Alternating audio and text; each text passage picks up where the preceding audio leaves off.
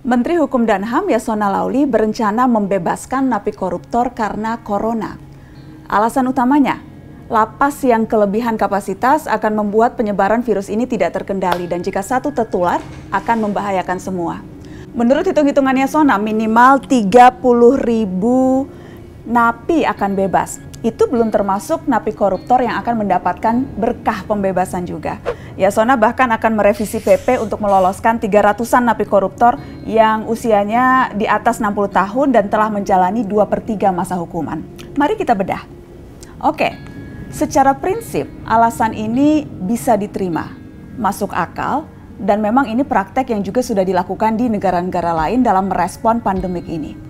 Ya, lapas kita kelebihan kapasitas luar biasa. Tidak main-main, bahkan ada lapas yang over kapasitas sampai 700 persen. Secara umum, kapasitas lapas dan rutan di seluruh Indonesia itu sekitar 130 ribu orang, sementara jumlah real penghuninya hampir 270 ribu rapi. Beberapa kali saya melihat langsung kondisi lapas kita. Memang tidak manusiawi, orang bertumpuk seperti pindang, bahkan tidurnya pun harus bergantian.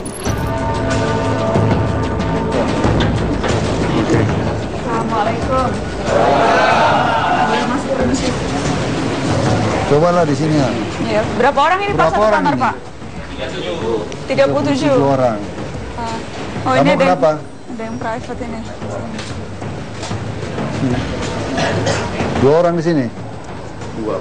Dua di sini semua. Di bawah sini semua ya Pak, gitu ya. Tetap aja udaranya di dalam panas itu walaupun Ini pakai kipas angin. Iya. Iya, apalagi karena banyak orang kan. Banyak orang ini. Jadi Panas. Kondisi ini jauh dari ideal dan alasan kesehatan mencegah penyebaran corona menjadi valid. Khusus apalagi untuk napi dengan tingkat resiko besar memiliki sakit bawaan dan usia lanjut. Demi alasan kemanusiaan, pembebasan mereka dengan syarat-syarat tertentu sangat bisa diterima. Tapi alasan ini menjadi mengada-ngada ketika kita bicara soal napi koruptor. Sel bagi napi koruptor berbeda dengan tahanan lain. Di lapas Sukamiskin misalnya, satu napi satu kamar, lengkap dengan fasilitas pula. Alih-alih berdesakan dengan napi lain sehingga bisa tertular corona. Para koruptor di Sukamiskin bahkan ada yang bisa mandi air panas dengan water heater di kamar mandi pribadi dan olahraga di dalam sel eksklusif mereka. Dan kondisi ini bukan hanya di lapas Sukamiskin. Sebutlah di lapas Tanjung Gusta, Sumatera Utara. Sel napi koruptor di sana jauh lebih nyaman Menteri Yasona sendiri yang mengakui kebijakan umumnya di seluruh Indonesia, sel napi koruptor dipisahkan dengan napi umum.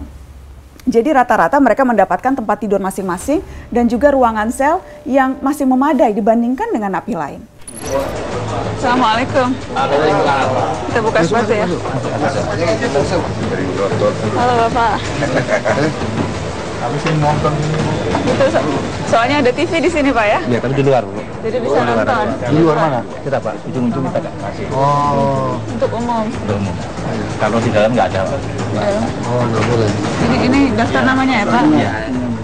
Ini Ada berapa orang Pak? 19. 19 di dalam sini. Iya. Tuh. Bang, ayo. Ini lainnya, ya, ya terang. Ya. Paksa dibuat tingkat Terpaksa nih. dibuat ini, ya, karena tidak muat lagi. Jadi empat di bawah, kemudian empat di atas, delapan, terus di atas ini lagi, di atas itu ya. Itu dua itu biasa. Oh di atas ini dua, ini ini, sama itu. Tapi berarti satu orang dapat satu tempat tidur ya Pak? Karena tadi di sana satu kamar bisa 40, Ya. 40 orang. Ruangannya mungkin agak-agak beda. Agak besar. Agak besar. Iya, tapi nggak nggak terlalu Iya. jauh juga lah mungkin. Besar. Kalau ini. Emang kalau mengatur penempatannya itu gudangnya juga agak-agak agak besar. Karena harus dipisahkan tidur pikor pikor dengan ini ya. Itu harus maksudnya karena memang undang-undangnya atau karena lebih ke kebijakan setiap rutan atau lapas? Dia eh, pada umumnya kan tipikor dipisahkan sama dengan di suka miskin. Tapi itu Jadi memang itu- kebijakan yang sejak dulu ya. Kebijakan yang memang diambil. Diambil.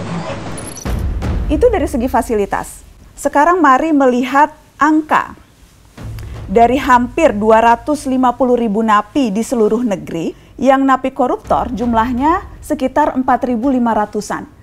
Eh, berarti itu sekitar 1,8 persen dari total napi. Jadi pembebasan napi koruptor dengan tujuan menghambat penyebaran COVID-19 di lapas menjadi tidak relevan karena angkanya sangat kecil dibandingkan dengan napi kejahatan lain hanya 1,8 persen. Menjadi wajar kalau kemudian sejumlah aktivis pegiat anti korupsi curiga kebijakan membebaskan napi koruptor ini hanyalah akal-akalan saja. Sudah beberapa kali Kementerian Hukum dan HAM berupaya untuk meringankan hukuman koruptor lewat revisi peraturan perundang-undangan catatan ICW misalnya, selama 2015 hingga 2019, Menteri Yasona sudah empat kali mengatakan mau merevisi PP 99 tahun 2012 tentang syarat dan hak napi di lapas. Jadi tidak heran kalau ada yang berpikir bahwa rencana pembebasan napi koruptor ini sekedar memanfaatkan isu COVID-19 untuk memuluskan keinginan lama, mempermudah remisi bagi koruptor. Jadi, Pak Menteri yang terhormat, supaya kita tidak curiga macam-macam, coba dibuka dulu ke publik narapidana kasus korupsi apa dan di mana yang menempati sel berdesak-desakan seperti napi umum pencuri ayam yang bahkan harus tidurnya bergantian. Oh ya sekalian, kalau memang mau cek lapas koruptor, titip cek lagi sel Papa Setia Novanto dan kawan-kawannya di Sukamiskin. Lagi di sel nonton Netflix atau lagi pelesiran makan di warung Padang ya?